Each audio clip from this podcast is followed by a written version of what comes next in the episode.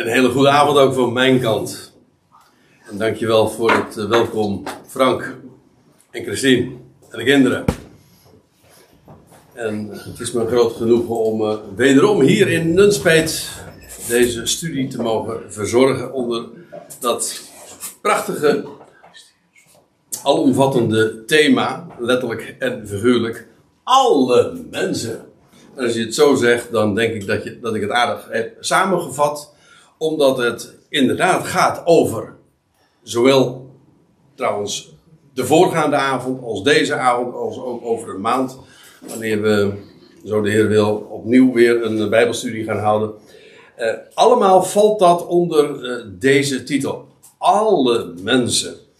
En in dit geval gaan we ons bezighouden deze avond met, uh, zoals u dat hier ziet op de ondertitel Hoe eeuwigheid het evangelie verduistert.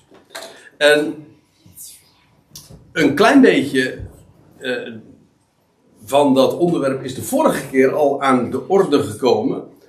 Maar dat verdient, dat weet ik zeker, een veel uitgebreidere bespreking. Laat ik eerst eventjes, al was het maar voor degenen die hier de vorige keer niet bij waren of de vorige studie niet beluisterd hebben. Maar uh, voor ons allemaal is het denk ik nuttig om het nog eventjes uh, in herinnering te roepen. Het is inmiddels alweer een maand geleden. Om even uh, nog te, ons te bepalen bij wat we de vorige keer hebben gezien. Toen was het subthema eindgoed, al goed, met een vraagteken. Want dat is in feite wat de vraag is van deze avonden.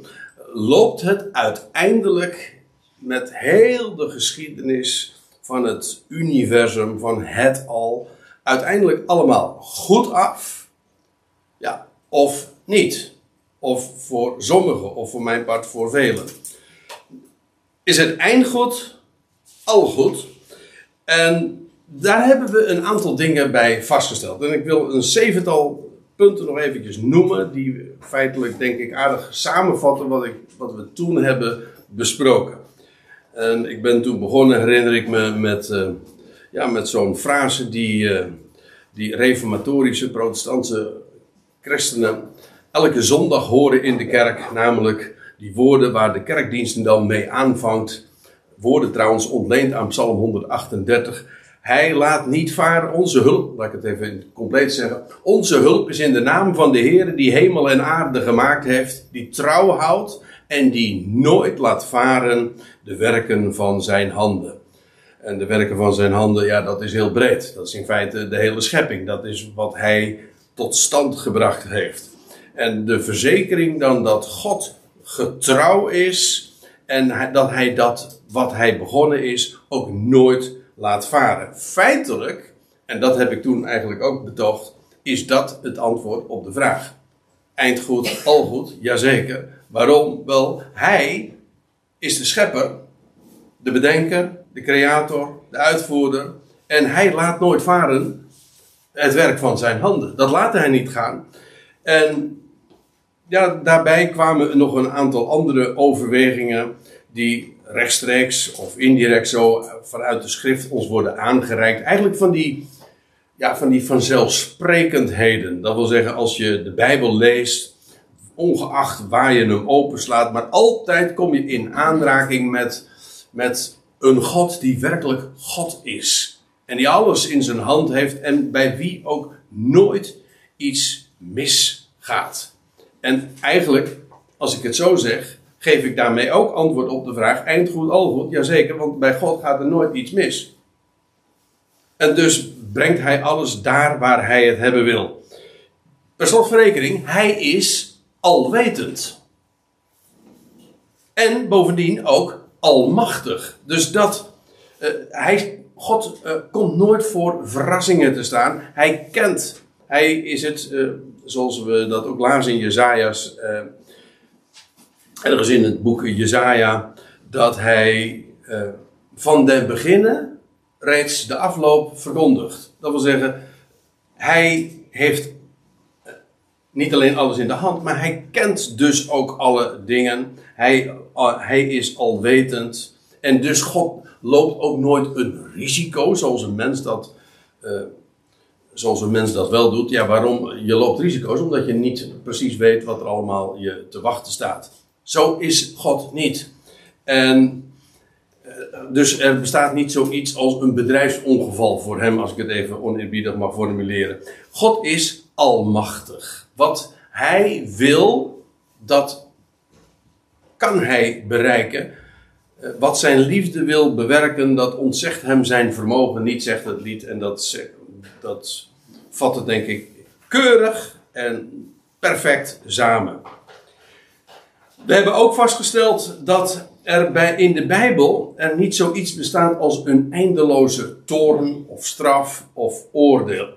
Bij God is, als hij toornt, dat altijd proportioneel. Altijd in die proporties wat uh, dat nodig is voor het bereiken van zijn doel. Het is altijd ook ter correctie. Om de dingen recht te zetten. Het is nooit een doel in zich. En het hele idee van een eindeloze toorn is zo wezensvreemd aan de God van de Bijbel, dat ook dit weer zo'n antwoord is uh, ja, op die, die vraag van eindgoed, algoed. Um, dan nog zo'n gegeven. In de Bijbel is het zo dat als je leest over het verlorene, dat wordt altijd weer gevonden. En dat heeft te maken, en we zijn daar ook wat dieper op ingegaan, met het gegeven dat als er sprake is van verlorenheid, dan is dat maar niet de tragiek van het verlorene zelf. Nee, dan is, dat, dan is er sprake van een verliezer. Namelijk, God zelf is iets kwijt. En je ziet dat eh, heel uitdrukkelijk in de gelijkenissen die in, uh, die in Lucas 15 aantreft van het verloren schaap, van de verloren penning, van de verloren zoon. Dan zie je dat de eigenaar of de vader of de herder, die is iets kwijt. En dan is het daarom ook zijn belang om dat te zoeken en zijn eer om het te vinden. En dat doet hij ook. Hij, je leest van het verloren schaap uh, dat uh, de herder het gaat zoeken en hij zocht het totdat hij het verlorene gevonden had. Al het verlorene wordt in de Bijbel weer gevonden. Dus er bestaat niet zoiets als een eindeloze verlorenheid. Dat maakt het evangelie ook werkelijk een evangelie. God wil alle mensen redden. En, zo lezen we, hij is ook een redder van alle mensen. Bijbel, uh, in, Paulus schrijft beide dingen in de, de Timotheusbrief. En dit is trouwens een item waar we de volgende keer wat dieper op in willen gaan. Waar uh, met name dan in de brieven die de apostel Paulus heeft geschreven, hij heel specifiek ingaat op het lot van heel het mensdom. Dus ik laat dat nu verder ook uh, wat uh, verder rusten. We gaan hier uh, wat dieper op in de volgende keer.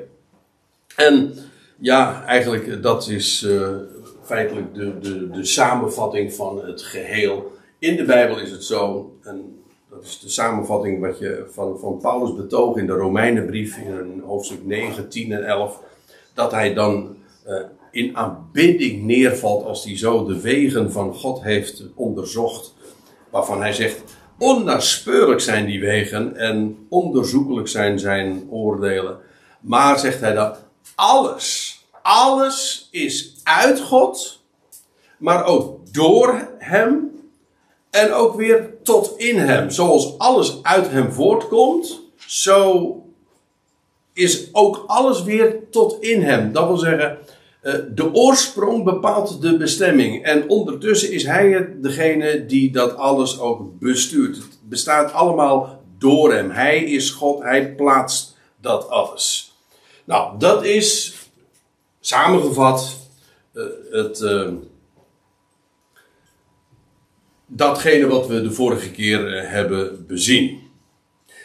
Nou, deze avond wil ik datgene bespreken wat, waarvan ik absoluut zeker weet, ben ik altijd weer de afgelopen, nou wat is het, 30 jaar telkens weer opgestuurd. Dit wat we vanavond gaan bespreken is de belangrijkste blokkade om dat wat, waar ik het zojuist over had, die zeven punten en, en dat evangelie en dat geweldige perspectief dat bij God uiteindelijk alles goed komt, om dat niet te zien. De belangrijkste blokkade om dat werkelijk te geloven, dat is eh, wat ik, uh, wat we, waar we het vanavond over moeten hebben. Want je zou zelfs kunnen zeggen: dit is zo essentieel. Ja, niet alleen essentieel, maar ook zo vanzelfsprekend in het hele uh, relaas van de schrift, van het begin tot het eind, zoals we de God kennen. Dat zou eigenlijk niet eens ter discussie hoeven staan. Dit is zo logisch, zo, uh, zozeer ook uh, verweven met, met zoals we God leren kennen in de Bijbel, dat je je afvraagt van hoe kan dit überhaupt ter discussie staan? Nou, er is een hele belangrijke reden en daar moeten we het over hebben, namelijk een blokkade om dit te zien. En ik heb hier een, uh, een, een stukje overgenomen in deze afbeelding. En dat is uit een boekje van uh, een, een, bekende Nederlandse bijbelleraar, Willem Ouwendeel. Hij schreef dit in 1975 en dit vat het uh, best wel goed samen. En dit tekent trouwens ook meteen de heftigheid waarmee dit onderwerp helemaal omringd is. Uh, dit is een boekje ik, ik, uh, ik, ik, meen dat ik het in 6, of 1976 of 77 al in mijn bezit had. Ik heb het uh, destijds heel erg bestudeerd als, als jonge jongen al. En daar staat ergens op pagina 9 lees je dan dit. Hij, heeft het dan over verschillende leringen over de verzoening. En dan zegt hij tenslotte op, bij punt 4 heeft hij het over de alverzoening. En moet je opletten van hoe hij daar dan over schrijft. Dat is de alverzoening. Dat is dus waar we het eigenlijk over hebben. Dit is, meestal uh, wordt het gebruikt als een, als een scheldterm. Is een ketterij, de alverzoening. Maar uh, waar ik het zojuist over had van uh, eindgoed, algoed. Ja, dat is in feite de samenvatting van de leer van de alverzoening. Maar Ouweneel, die denkt daar heel anders over. Die schrijft dit. Het is, de dat is de afschuwelijke leer dat uiteindelijk alle mensen zalig worden. Dan heb ik even de neiging om stil te zijn. Pardon? Een afschuwelijke leer? Nou ja, ik lees even verder. Uh, huns ondanks, of via een zogenaamde tweede kans. Dat huns ondanks betekent dan dat de alverzoening zou zeggen van nou alle mensen worden zalig. Uh, of ze dat nou willen of niet. Uh, of eventueel via een zogenaamde tweede kans. Dit is in vol, volslagen strijd met de schrift, die een tweede kans ontkent. En er volkomen duidelijk over is dat een aantal mensen voor eeuwig verloren zal gaan. Um, ja, dit is het natuurlijk waar het uh, allemaal om gaat. Hè? Dat eeuwig verloren. De Bijbel is er volstrekt helder in, volkomen duidelijk, dat een aantal mensen, ongeacht nu even de vraag of dat er veel of weinig zijn, maar in ieder geval een aantal mensen, een x aantal mensen, voor eeuwig verloren zal gaan. Dat is wat Ouweneel ervan zegt. Dit is dus de belangrijkste reden die hij meteen in die ene zin geeft, of die twee zinnen, van ja, waarom dit zo'n afschuwelijke leer is. En waarom die leer ook niet kan kloppen, want het moet toch duidelijk zijn dat de Bijbel uh, uh, spreekt over een eeuwige verlorenheid. Overigens moet ik erbij zeggen dat uh, wat hier staat van huns ondanks, huns ondanks, dat is niet zo alledaags Nederlands, maar in ieder geval, of ze dat nou willen of niet, dat is eigenlijk wat het betekent. Of via een zogenaamde tweede kans. In beide gevallen is dat geen bijbelse omschrijving van wat alverzoening is. Maar misschien dat we daar de volgende keer dan nog eens over uh, moeten hebben. Want uh, ook ik geloof niet dat uh, mensen zalig worden. Of dat de schrift leert dat de mensen zalig worden. Of dat nou willen of niet. En ook niet omdat ze een tweede kans krijgen. Ik geloof trouwens niet eens in een eerste kans. het is, alsof redding of verzoening een, een kwestie is van een loterij of een kans. Of iets wat, van wat de mens wil. Dat staat er los van. Afijn, het gaat natuurlijk nu even om dat, dat eeuwige verlorenheid. Die eeuwige verlorenheid. Kijk, het punt is dit. Men kan het evangelie van de redder van allen. Oftewel, waar we het over hadden. Die boodschap dat uiteindelijk alles goed komt. Eindgoed, al goed. Dat kan men niet zien en geloven als er zoiets bestaat als een eeuwige. En daarmee bedoelt men dus, dat is de veronderstelling, maar daar gaan we het ook over hebben. Als er zoiets bestaat als een eeuwige verlorenheid. Dat kan niet. Als het eindgoed al goed is, dan kan er niet zoiets bestaan als een eeuwige verlorenheid. In de zin van eindeloze verlorenheid. Het is of het een of het ander.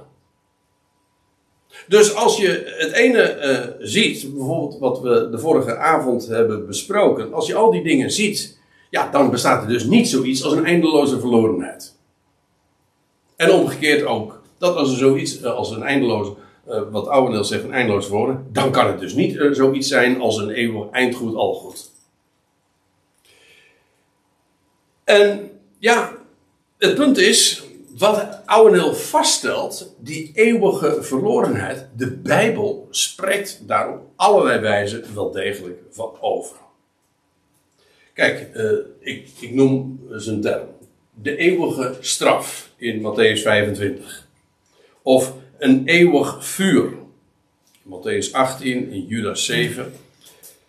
Misschien dat we daar na de pauze nog even op terugkomen.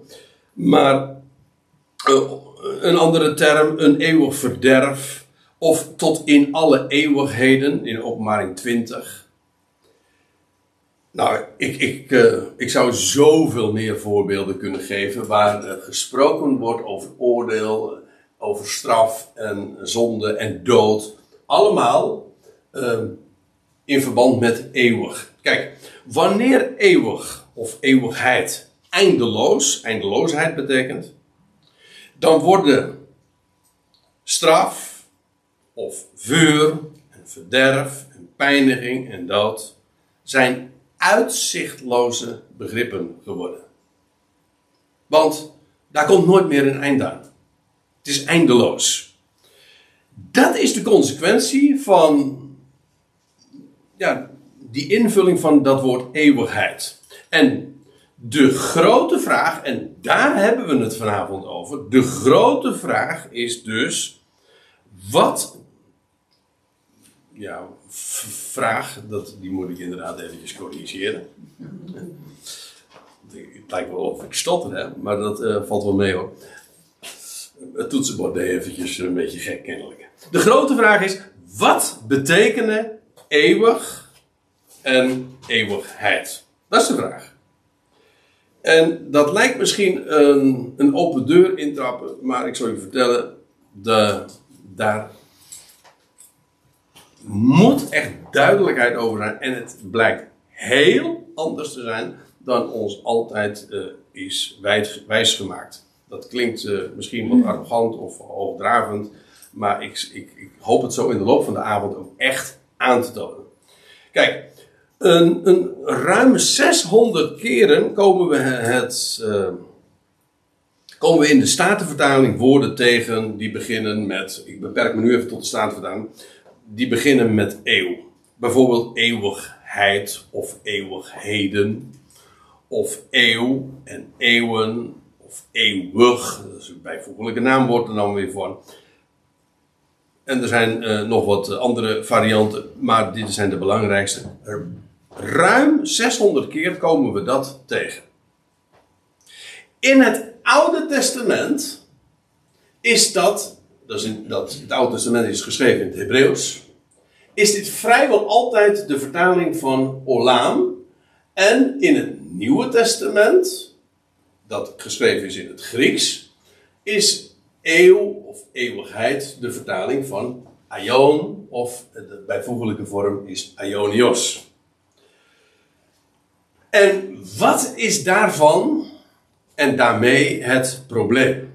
Nou, Kijk, Olam, Hebreeuws, en Aion, Grieks, dat wordt vertaald met eeuwigheid. Dus eindeloos, dat is de, toch de betekenis die wij daaraan toekennen. Als iets een eeuwigheid duurt, dan bedoel je daarmee, het is eindeloos. Ook al, zelfs als je het overdrachtelijk gebruikt in de zin van een hyperbool, een overdrijving, dan, is, dan blijft de betekenis die van eindeloos. Ook al zeg je van, ik stond, uh, dat stoplicht, dat, ik moest een eeuwigheid wachten. Dan, dan gebruiken we het dan metaforisch. Maar niettemin, de eigenlijke betekenis van eeuwigheid is uh, eindeloos. Maar dat woord aion of olaan, voor gemak zal ik me vooral beperken tot aion, maar wordt ook vertaald met eeuw. En dat is een wereldtijdperk. Dus je hebt olaan aion, en dat wordt vertaald met eeuwigheid, maar ook met eeuw. En de grote vraag is, hoe kan dat? Heeft, want de vraag is dan, heeft een aion, laan, nou een einde of niet? Als je het vertaalt met eeuwigheid, dan zeg je, nee, dan, aion, olam, is, heeft geen einde, want het wordt, je leest dan in de vertaling eeuwigheid. Maar als, het wordt namelijk ook vele, vele keren vertaald met eeuw. En dus dat ene Griekse of Hebreeuwse woord wordt op twee totaal verschillende manieren weergegeven.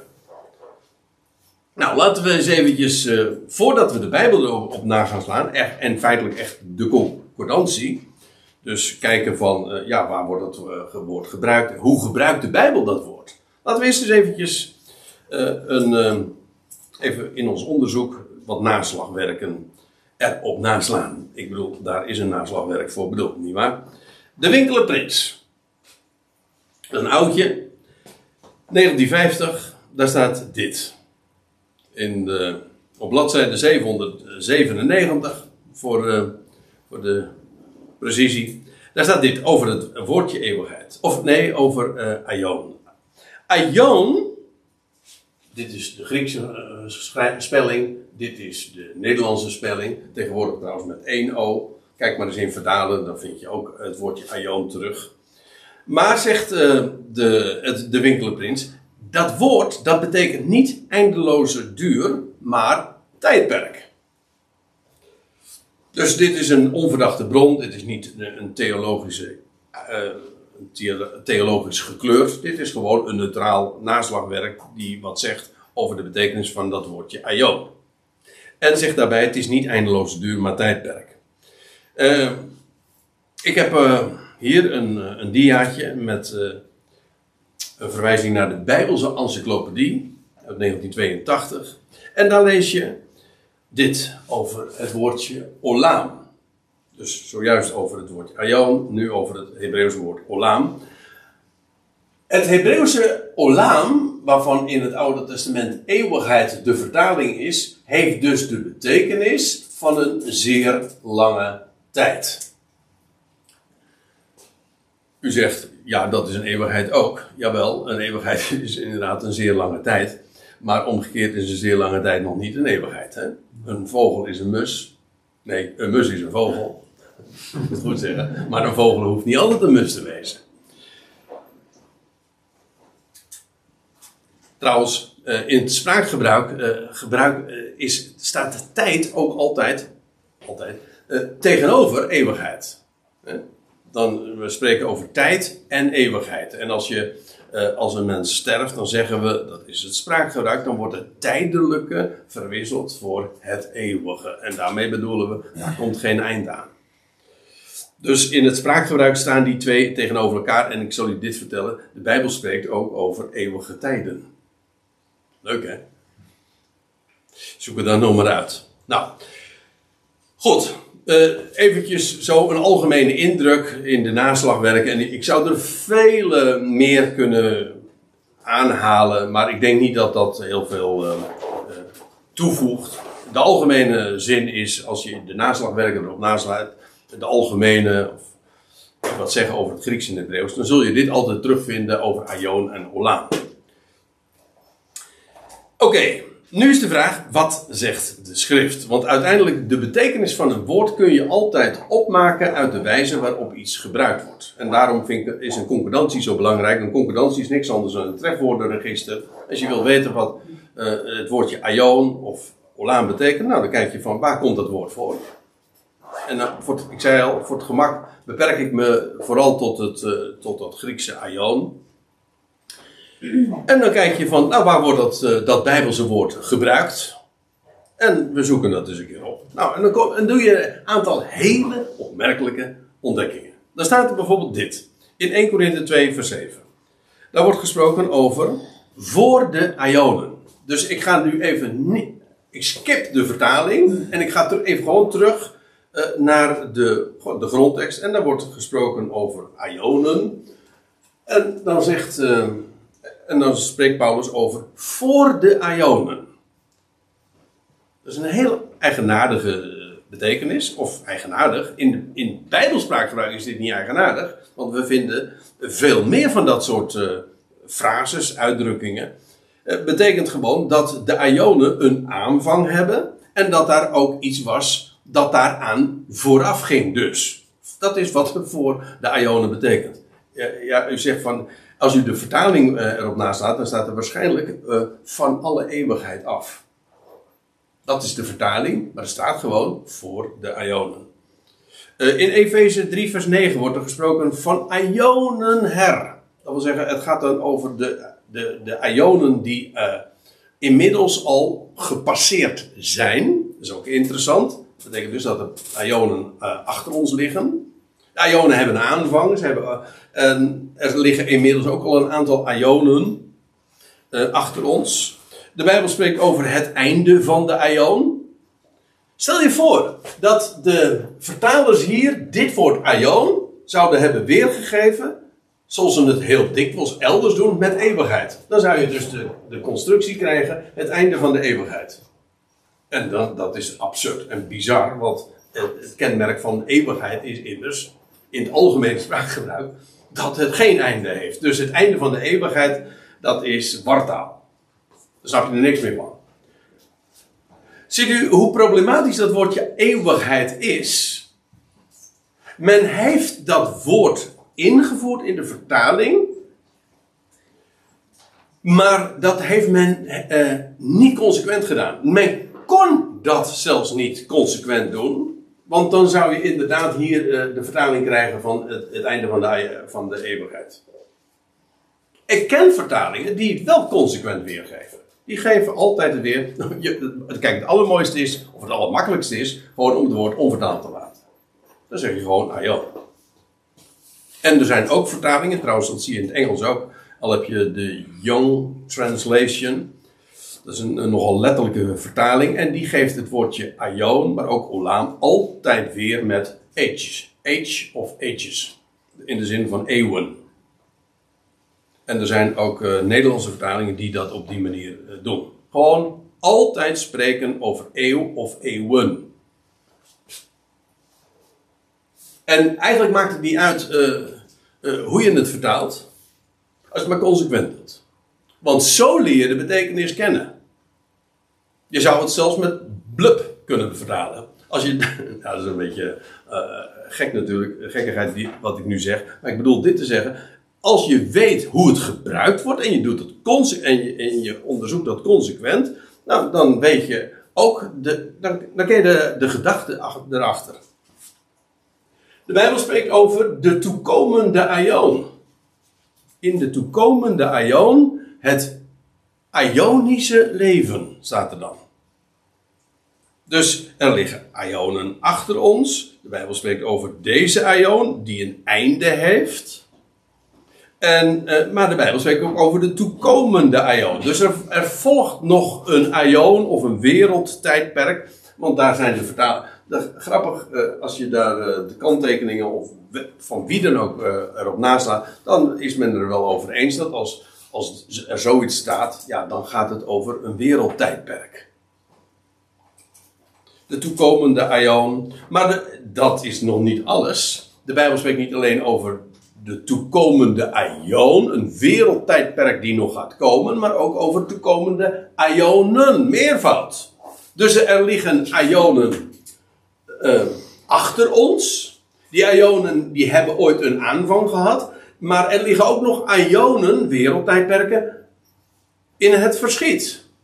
En de Bijbel spreekt zelfs over, Hebreeën 9 vers 26, over de voleinding van de Ionen. Dus de Ionen hebben een begin, maar hebben ook weer een einde, een voltooiing, een, een culminatiepunt, waarin alles, uh, ja, tot voltooiing gebracht zal worden. Nou, laat ik, uh, laat ik daar eens... Uh, een, een plaatje bij, uh, bij projecteren. Want je kan dat, wat ik zojuist weergaf, eh, met een aantal teksten, met referenties naar waar sprake is van Aion, je kan daar gewoon een kaart van maken. Gewoon, dan maak je het heel visueel. En dan, dan, dan is de uitdrukking in Romeinen 16, maar we komen ook in 2 Timotheus tegen, en nog een keer trouwens, dan is er sprake van Ionische tijden. je moet er even aan wennen. Je kent misschien het woordje. Destijds had je de, op zo'n tv-serie. Was, was er een groot fan van. De, de Six Million Dollar Man. De, de man van 6 miljoen. Dat was een bionische man. Maar ik heb het niet over bionisch. En, uh, maar ik heb het over eonisch. Ionisch. Dat wil zeggen, dat is dus uh, de bijvoeglijke vorm van aion. Je hebt aion, wereldtijdperk, en iets wat ionisch is. De aardigheid is, je kan dat dus heel goed ook nog weergeven met eeuwig. Maar dan met een streepje tussen eeuw en ik. Op het moment, dat is, dat is heel gek hè, maar Tegenwoordig, als ik in mijn Bijbelstudie, als ik het opschrijf, dan zal ik, dan geef ik consequent, als ik, het, als ik spreek over eeuwig, dan zeg, spreek ik het ook zo uit. Eeuwig. Met een streepje tussen, dat, tussen eeuw en het navolgende. En daarmee geef je ook aan dat eeuwig te maken heeft met eeuw. Het zegt iets over eeuw. Het, het refereert daaraan. Iemand die uh, als iets een jaar oud is, dan is het jarig. En als, iets, als iemand een eeuw oud is, dan is die eeuwig. En alleen, eh, in feite sluit dat heel erg aan bij wat ik nu zeg. Met die restrictie of met die aantekening dat als de Bijbel het heeft over eeuw, dan gaat het niet over 100 jaar, maar over een tijdperk. Ongeacht de lengte, maar in ieder geval een wereldtijdperk. Maar de Bijbel spreekt dus over. Uh, Paulus doet het in zijn brieven diverse keren over Ionische tijden. Of zo u wilt. Dat is heel grappig, maar de Statenvertaling doet dat ook. Over, uh, die spreekt over de tijden der eeuwen. En uh, ik meen van de eeuwige. De, de MBG-vertaling spreekt van de eeuwige tijden. Eeuwige tijden. En, en nog daarvoor ook. Ja, ja, precies. Dat is heel uh, boeiend. Want nou, dat wil ik dus even met het, op, met het kaartje duidelijk maken. Uh, dus, want je kunt het dus echt visualiseren. Je krijgt dan dit verhaal. Er, is een, er, was, er was iets. Er is sprake van voor de Ionen. De wereld. Ja, voor de wereld bestond. Uh, voordat de Ionen, de wereldtijdperken, een aanvang hadden genomen, was God daar en was had hij ook een voornemen, want dat is als je in 1 Corinthië 2 vers 7 dat terugleest, dan zie je ook inderdaad dat God eh, voorbeschikt heeft, een plan heeft. Trouwens, de Bijbel spreekt ook in Efeze 3, zegt Paulus, dat God een plan heeft van Ionen. Dus voordat Ionen een aanvang hadden, had hij een plan. Dus dat gaat niet in willekeur. Nee, God, God is God. Hij kent de dingen, maar hij had ook een plan en een plan van wereldtijdperken, van ionen. En wat blijkt ook, dat die, uh, die ionen, dat, dat loopt synchroon met werelden. Je hebt uh, de, Je hebt de wereld van de, de schepping van de wereld, dat is die eerste aion. Je hebt de wereld van de voortijd, dat is, de, Peter spreekt erover, dat is de wereld die, uh, dat is de wereld die verging trouwens bij de, uh, in de dagen van Noach. Kijk, die eerste ionen, dat zijn de ionen die geweest zijn. Ik geef iedere keer de tekstverwijzing erbij, zodat je uh, die tekst, uh, die schriftplaats kunt opzoeken. Dan, dan vind je deze termen terug voor de ionen, de ionen die geweest zijn. Dat zijn verschillende weer, de, schepping van de wereld. Uh, de wereld vanaf Adam tot Noach, dat is de wereld van de voortijd. En dan de middelste ion, dat is de ion van deze wereld. En die wordt genoemd de tegenwoordige ion. Dat is de huidige wereldtijdperk, die is begonnen. Ik ga dat nu niet toelichten of uitleggen, misschien dat we na de pauze daar nog over hebben, uh, hoe ik daar zo aan kom. Maar deze aion heeft, uh, is begonnen uh, in de dagen van Noach. En die loopt door ja, tot aan de terugkeer van Jezus Christus. Dat is het einde van deze aion. Dus mijn vraag is, deze aion, loopt die echt op zijn eind? Op zijn laatste benen, om zo te zeggen. In ieder geval, de aion van deze wereld, uh, met daarin het middelpunt het kruis. Uh, wat dat betreft, als je, uh, als je het ook visualiseert, dan ga je ook geweldige dingen ontdekken. Want dan ga je ook zien dat daar een handvol ionen zijn. En, daar, en in het middelpunt van die ionische tijden staat daar het kruis van Golgotha. Dat staat in het middelpunt en van daaruit werkt God alles ook uit. Dan, als deze aion uh, ten einde is, uh, ten einde is gebracht, de voleinding van de aion, de voleinding van deze eeuw, ja, dan breekt een nieuwe aion aan. De dat is de komende aion. En dan heb je, tens, dat is trouwens wat in de Bijbel genoemd wordt, de duizend jaren, waarin Christus hier op aarde zal heersen waarin de tijd, die tijd dat Satan gebonden zal zijn en dat Jezus Christus zal heersen vanuit Jeruzalem. Dat is die komende eeuw. Die, ook die eindigt weer. Uiteraard, de duizend jaren duren duizend jaren. Nou ja, dat is voor mij vanzelfsprekend, maar niet voor iedereen. Daar, daar hebben we het nu verder even niet over. Maar in ieder geval, die komende eeuw, uh, die loopt... Uh, die heeft ook een einde. En die uiteindelijk gaat over in de aion der aionen. En dat is de laatste aion. De overtreffende. Ook, ja, dat is met recht ook. De aionen die gaan komen. U ziet het. Al die termen waar ik het hier over heb. Die ik nu noem. Die zijn allemaal rechtstreeks ontleend aan het taalgebruik van de schrift zelf. Ik verzin dat niet. U kunt het allemaal zo terugvinden in de schrift.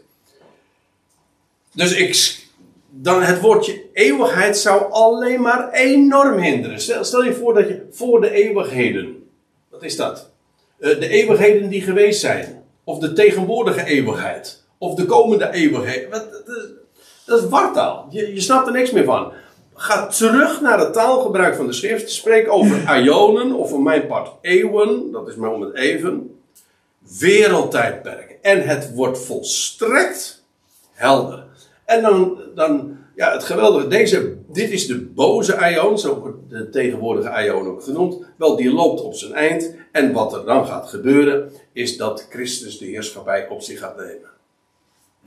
En hij zal heersen tot, ja, je leest dat ook, diverse keren, heel wat keren zelfs. Hij zal heersen tot in de eeuwen der eeuwen. Kijk, die, die, deze eeuwen, dat zijn de, dat zijn de komende Aionen, dat, die zijn zo overtreffend.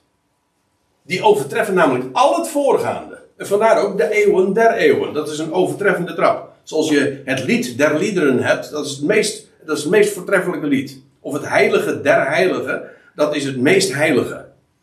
Dat is een, dat is een Hebreeuwse, vooral een Hebreeuwse eh, vorm van de overtreffende trap, die we trouwens in het Nederlands eh, ook uh, heel veel gebruiken. De tocht der tochten. Ja. of, uh, nou ja, noem maar nog eens wat. We, we, er zijn zoveel uh, uitdrukkingen die eh, die overtreffende trap weergeven. Maar de wereldtijdperken die nog gaan komen, die zijn overtreffend. En de laatste, Aion, eh, waar je over leest in openbaring 21 en 22, over dat Jeruzalem dat uit de hemel neerdaalt. Eh, dat is die Aion die na de duizend jaren zal volgen. Ja, dat is de meest overtreffende. De Aion der Aion. In, uh, ik geef momenteel in, uh, Den, in uh, waar is het? Nee, in Rotterdam een, een heel seizoen een bijbelstudies over deze laatste Aion. Dat is zo'n geweldig onderwerp. Want we hebben daar, over de duizend jaren wordt nog wel eens wat gezegd en geschreven. Maar over die Aion der Aionen dat is echt nog weer ver overtreffend van wat daaraan vooraf gegaan is. Hoe geweldig die duizend jaren ook zal zijn, de Aion de Reone overtreft dat nog weer zo in, trouwens ook in tijd. En in heerlijkheid geweldig. Maar beide Aionen, dat zijn wereldtijdperken waarin Christus zal heersen. En daarom ook overtreffend zijn. En dan heb je, de term kwam al voorbij. En je had hem gewoon ook kunnen uh, ja, voorspellen dat, dat dat zou gaan komen. En zoals er een tijd was voor de Ionen, zo, zullen de, de Ionen, de wereldtijdperken, ook worden voleindigd, voltooid. En ja, dat, dat is het ultieme. Dat is waar uh, met name de apostel Paulus in de Korinthebrief in 1 Korinthe 15 over, over schrijft. Dat de heerschappij van Christus ook ten einde zal komen. En dan, hij moet heersen tot dat. Dat is heel opmerkelijk, hè, wat, wat ik nu zeg. Dus uh, als je nou bijvoorbeeld de vraag stelt van, ja, hoe lang heerst Christus? Vraag het maar eens een keertje aan een gemiddeld christen die een klein beetje op de hoogte is van de Bijbelse dingen. Meestal zal je het antwoord krijgen. Het antwoord trouwens, wat ook in heel wat liederen staat, dat hij zal heersen tot in alle eeuwigheden. Ik geloof dat er in de opwekkingsbundel heel wat nummers te noemen zijn waarin zulke, uh, deze termen worden gebruikt. Hij, hij heerst eindeloos. Hij heerst voor eeuwig en eeuwig. Dat klopt wel als je weet wat het betekent. Maar we hebben, Paulus zegt in 1 Corinthië 15, ja, hij moet inderdaad heersen tot in de Ionen. Hij heerst tot in de Ionen der Ionen, dat zijn deze Ionen. Maar heerst hij eindeloos? Nee, zegt Paulus, hij moet heersen tot dat. Wellicht dat dat, ook dat is een schriftplaats die ik de volgende keer eh, zal noemen. Nou ja, nu noem ik hem ook, maar de volgende keer zal, die, zal ik hem ook voor het voetlicht brengen. Maar in ieder geval dit. Christus, hij zal heersen totdat. En de laatste vijand die hij teniet doet, staat er. Hij moet heersen totdat hij al zijn vijanden onder zijn voeten zal hebben gesteld. En de laatste vijand die hij onder zijn voeten zal stellen, die hij teniet zal doen, zo staat er, uh, dat is de dood. En, en hoe doet hij dat? Nou, dat lees je dan ook in 1 Corinthië 15. Hij doet de dood teniet door alle mensen levend te maken. Zoals in Adam allen sterven, zo zullen in Christus allen worden levend gemaakt. Iedereen zijn eigen rangorde. Christus de eersteling, in het verleden. Daarna, de volgende rangorde is die van Christus zijn in zijn parousia. En dan het einde. Dat wil zeggen, als de resterende, de laatste categorie ook levend gemaakt wordt. En als alle mensen levend gemaakt zijn, dan is, er, dan is de dood dus er niet gedaan. En dan lees je dat de zoon zijn het koning, een volmaakt koninkrijk aan zijn God en Vader terug zal geven en over zal dragen. En dan lees je, opdat God zal zijn alles in allen. Dat is, als God alles zal worden in allen, dan heerst Christus ook niet meer. Dat is dus voorbij deze eonen. Hè? Voorbij deze eonen. Dan, dan is God geworden alles in allen. Inderdaad, eindgoed, al goed. Maar ik hoop toch daarmee duidelijk gemaakt te hebben dat de Ionen inderdaad een begin en een einde hebben. En dat het woord eeuwigheid hier z- zo een, een hindernis is, een barricade is. Het sterker, het, is, het, het verblindt je. Ik, dat was de titel ook, hè? Het woord eeuwigheid verduistert het evangelie. Je kunt never nooit zien dat God alles tot een goed einde gaat brengen en heel de wereld gaat redden als je vasthoudt aan het woord eeuwigheid. Kun je niet.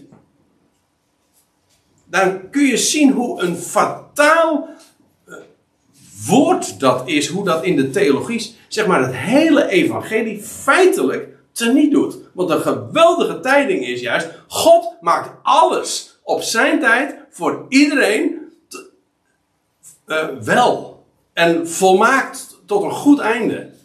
Dat kun je alleen maar zien als Aion werkelijk een eeuw is en een tijdperk met een begin en een einde.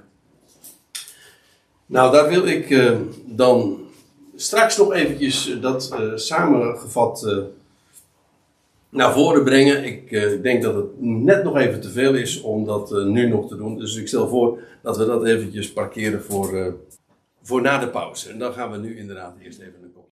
Goed, wij gaan nog even verder met de bespreking van, van dit thema. Ik, had, ik heb nog een aantal dia's, min of meer als conclusie te gaan.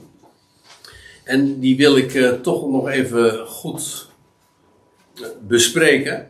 Dus het leek mij nuttig om, eh, om dat eventjes te reserveren voor na de pauze. Want, kijk, tot dusver hebben we een aantal dingen gezien over dat woord eeuwigheid. En dat geen correcte weergave is van wat de grondtekst zegt, namelijk die, die spreekt van Olam of van Aion. Ik denk dat we een, vijftal belangrijke vaststellingen nog eh, te gaan hebben en die wil ik graag eens opsommen. In eerste plaats dit. Als je het hebt over de vraag van, ja, wat is dat nu eigenlijk? Wat weten we over Ionen? Nou, nummer 1 is dit. Ionen hebben in de Bijbel een begin en een einde. De Bijbel spreekt over voor de Ionen.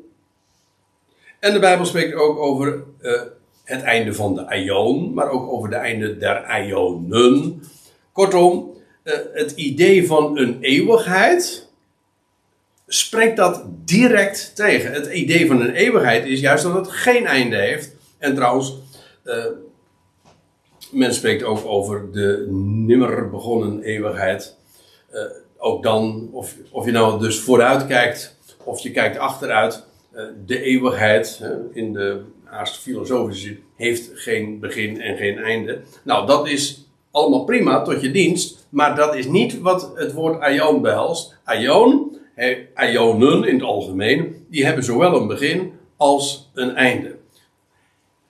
Daarmee heb ik dus feitelijk ook gezegd: het woord eeuwigheid is niet correct, is, dient geen, eh, kan nooit dienen als vertaalwoord van het woord aion. Kan niet. Uitgesloten. Dat is één. Bij de terugkeer van Jezus Christus, want wij weten, hij keert terug, nietwaar? Dat was de belofte. Hij is heen gegaan, maar hij zou ook weer terugkeren. En bij zijn terugkeer breekt niet een, wat dan gewoonlijk zo genoemd wordt, een eindeloze eeuwigheid aan. Maar wat, waar de Bijbel van spreekt, dan breken de komende ionen aan. Eeuwen, wereldtijdperken. En het hele verhaal van ja, dat bij de wederkomst, dan is het eeuwig wel of eeuwig wee. In de zin dus, in de traditionele zin van het woord. Dan is het of eindeloos goed, of eindeloos niet goed. Maar dan ook echt niet goed. Dat is absoluut niet de Bijbelse gedachte. Er zijn nog wereldtijdperken te gaan waarin Christus zal heersen. En dat breekt aan op het moment dat hij eh, gaat terugkeren. Dan nog iets, dat is ook een heel belangrijk punt. Ik, ik heb het even kort aangestipt eh, voor de pauze. Maar Het eeuwige leven. Let op de manier waarop ik dat nu dus ook uh, weergeef. Het eeuwige leven. Die term kun je dus gewoon handhaven. Alleen je moet hem wat, als je het correct zegt, stotterend gaan zeggen. En want dan begrijp je namelijk goed waar het over gaat. Namelijk dat eeuwig, dat het te maken heeft met eeuw. Het eeuwige leven. En als je het zo formuleert, heb je eigenlijk al gezegd van, oh, het eeuwige leven, dat, dat, dat is leven, dat heeft kennelijk met een eeuw uh, te maken, of met een, specifieke eeuw. Dat klopt ook. Het eeuwige leven, dat is het leven van de komende eeuw, of zo u wilt, de komende aion. En het staat letterlijk zo beschreven in uh, Lucas 18, vers 30. Zoek het zelf maar. Uh, of hier of eh, thuis nog eens een keer op. Maar daar lees je ook over dat de Heer Jezus spreekt, als het gaat over de, de beloning van hen, uh, de beloning die ten deel zal vallen aan degenen die hem gevolgd zijn, dan zegt hij, en in, uh, in de toekomende eeuw, in de toekomende aion, zullen ze ontvangen het Ionische of het eeuwige leven.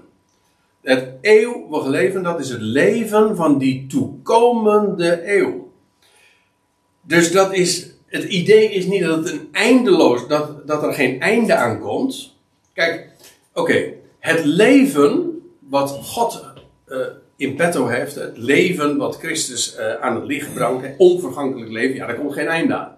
Maar dat is niet wat de betekenis is van eeuwig leven. Kijk, het leven gaat niet voorbij. Sterker nog, de dood, die gaat voorbij. De dood wordt er niet gedaan, niet het leven. Als en als de dood er niet gedaan wordt, ja, dan kan dat alleen maar betekenen dat, het, uh, dat daar onvergankelijk leven voor in de plaats komt. Het eeuwige leven, kijk, uh, iemand vroeg dat dus aan mij, uh, komt er aan het eeuwige leven dan een eind? Dan zeg ik ja. Ja, niet aan het leven, maar wel aan de eeuw. Er wordt in, in een lied, vroeger zong ik nog wel eens een keer het lied van God is goed. En dan is er zo'n couplet van uh, dat gaat eindeloze eeuw. Nee, ik ga het niet zingen.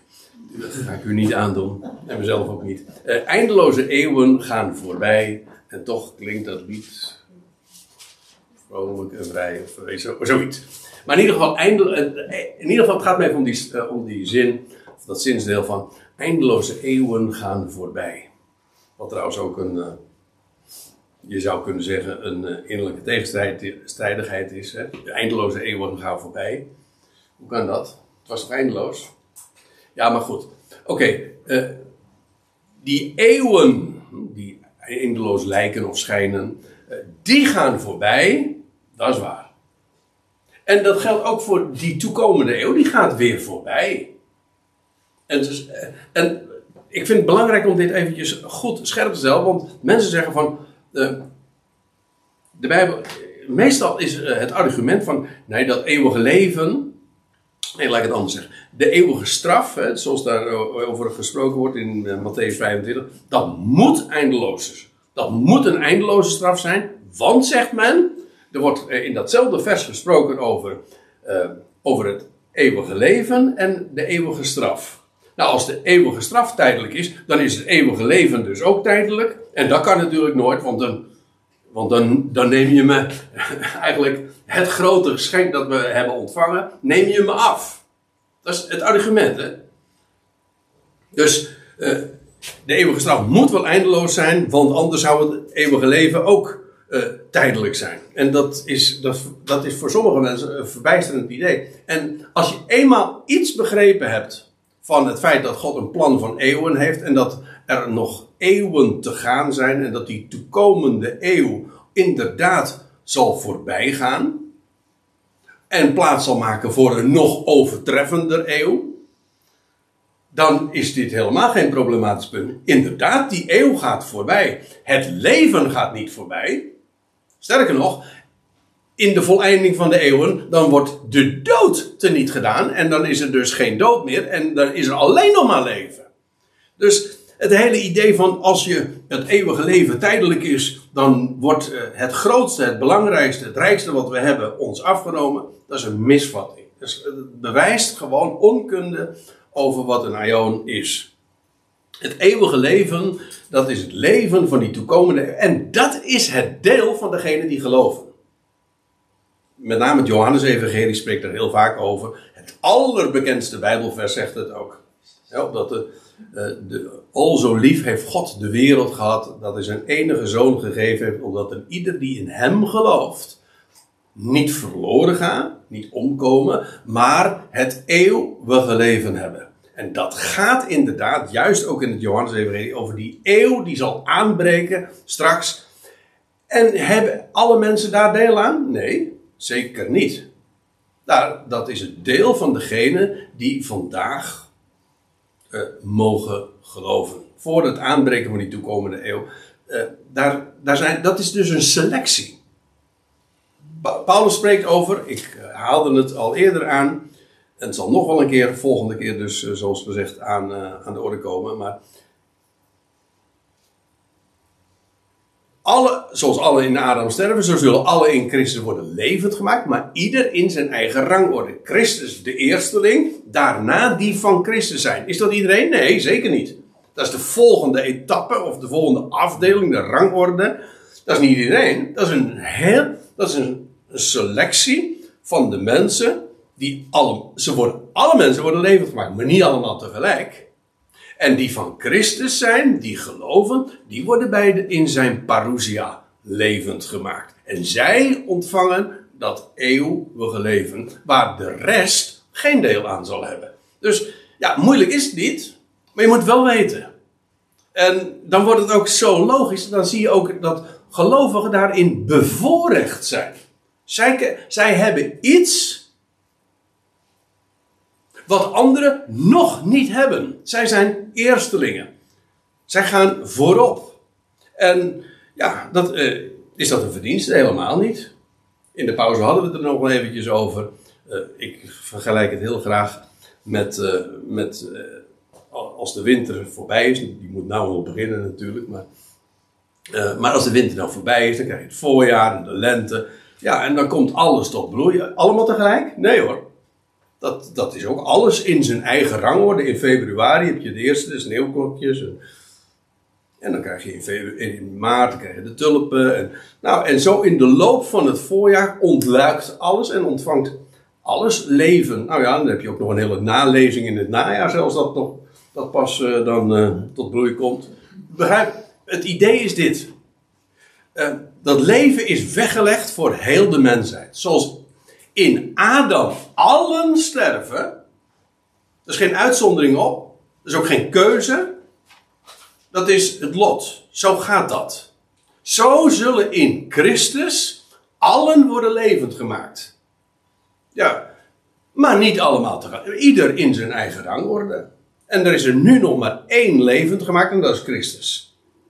Hij is de enige, zegt Paulus in, eh, uh, schrijft hij aan Timotheus, de enige die nu onsterfelijkheid heeft. Maar dat wordt binnenkort, gaat dat aangevuld worden, trouwens ook nog weer in verschillende etappes, die van Christus zijn in zijn parousia, is ook niet eens één moment, maar ook weer een reeks van momenten.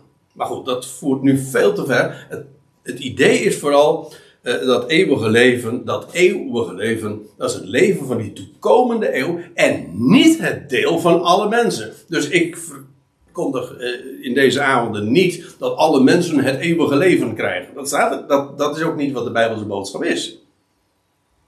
Maar heel essentieel is zicht op de Ionen. En op het moment dat je denkt in termen van een eindeloze eeuwigheid, nou blindeert je dat voor, uh, ja, voor, voor dit geweldige perspectief. Ja, nou, uh, hier kan ik uh, nu kort over zijn, omdat ik daar zojuist al wat meer over verteld heb. Christus heerst tot in de Ionen. Ja, dat staat in Lucas 1, vers 33, maar in Openbaring 11, vers 15 ook. Of tot in de, staat zelfs tot in de Ionen van de Ionen, dat is hetzelfde. Want die ionen die nog gaan komen, dat zijn de ionen die alle voorgaande ionen overtreffen. En dus de ionen der ionen zijn. Oké. Maar Christus heerst tot in de Ionen, maar niet eindeloos. En dan heb je dus ook een heel belangrijk vraagstuk opgelost van uh, hoe, zit dat nou met, uh, met die heerschappij van Christus? Heerst Christus nou eeuwig of heeft dat een totdat? Nou, als je eenmaal weet wat eeuwig is, dan is het probleem uh, dan, nou, dat is niet alleen dan als sneeuw voor de zon verdwenen. Het probleem is er niet eens meer. Het is dan geen probleem. Christus heerst tot in de eonen, maar zeker niet eindeloos. Ja, en dan dus de eeuwige straf. Dat is de straf van de toekomende eeuw. En ook daarvan geldt, die is niet eindeloos. Die aion gaat voorbij. Nou, en dus de conclusie overal, na alles wat ik nu zo heb aangestipt, niet meer dan dat, want ik, wat ik in deze avonden vooral ook wil doen, is gewoon eigenlijk de, de basale dingen die met dit onderwerp verband houden, uh, aanstippen, bespreken, uh, de meest belangrijke vragen daarin ook uh, aan de orde stellen. Maar vanavond moet toch dit duidelijk zijn. Wanneer eeuwigheid ionen worden, en ik, ik hoop duidelijk gemaakt te hebben dat eeuwigheid geen Bijbels begrip is, ionen wel. Wel, uh, wat is het belang daarvan? Nou, dan wordt het evangelie, de blijde tijding, het goede bericht, werkelijk een goed bericht. En dan dat wat we de voorgaande avond besproken hebben, dat God niet laat varen het werk van zijn handen. Dat hij al het verloren uh, uh, zoekt en dat zijn toren niet eindeloos is, et cetera, et cetera. En dat alles uit en door en tot God is. Dat kun je dan voluit geloven, beamen en opstaan, zonder dat het gehinderd wordt. Dan moet dit duidelijk zijn. Daarom is dit zo essentieel. Als je alleen maar de eerste avond zeg maar zou zien en uh, het, het, positieve verhaal en je leest dan en je pakt dan vervolgens je gangbare Bijbelvertaling, dan word je voortdurend weer geblindeerd. Zo is het echt. Word je, dan zeg je, ja, hoe kan dat nou? De Bijbel spreekt over tot in eeuwigheid, een eeuwige toorn, een eeuwige straf. Hoe kan dat dan toch waar zijn? Nou, die grote hobbel, om niet te zeggen die barricade, die blinddoek, uh, die heb ik vanavond uh, proberen door het licht van het woord proberen uh, te verwijderen, om dat duidelijk te maken vanuit de schrift. Waarom? Niet om interessant te doen over bijbelse begrippen of over Grieks of over Hebreeuws. Nee, het gaat erom dat het evangelie werkelijk een goed bericht is en dat God door de Ionen, wereldtijdperken heen, alles voor iedereen tot een goed einde gaat brengen. En dat is de boodschap die we mogen uitdragen en die hem ook verheerlijkt. Dat is ook het werk van zijn zoon, die alles heeft volbracht. En die pas tevreden is als allen daar komen waar God ze hebben wil. En dat gaat hij ook bereiken. En daarom zal hij ook straks ook opnieuw kunnen zeggen aan het einde van de Ionen: Het is volbracht. Alles is tot een goed einde gebracht. En een volmaakt koninkrijk kan hij aan zijn God en Vader overgeven en teruggeven.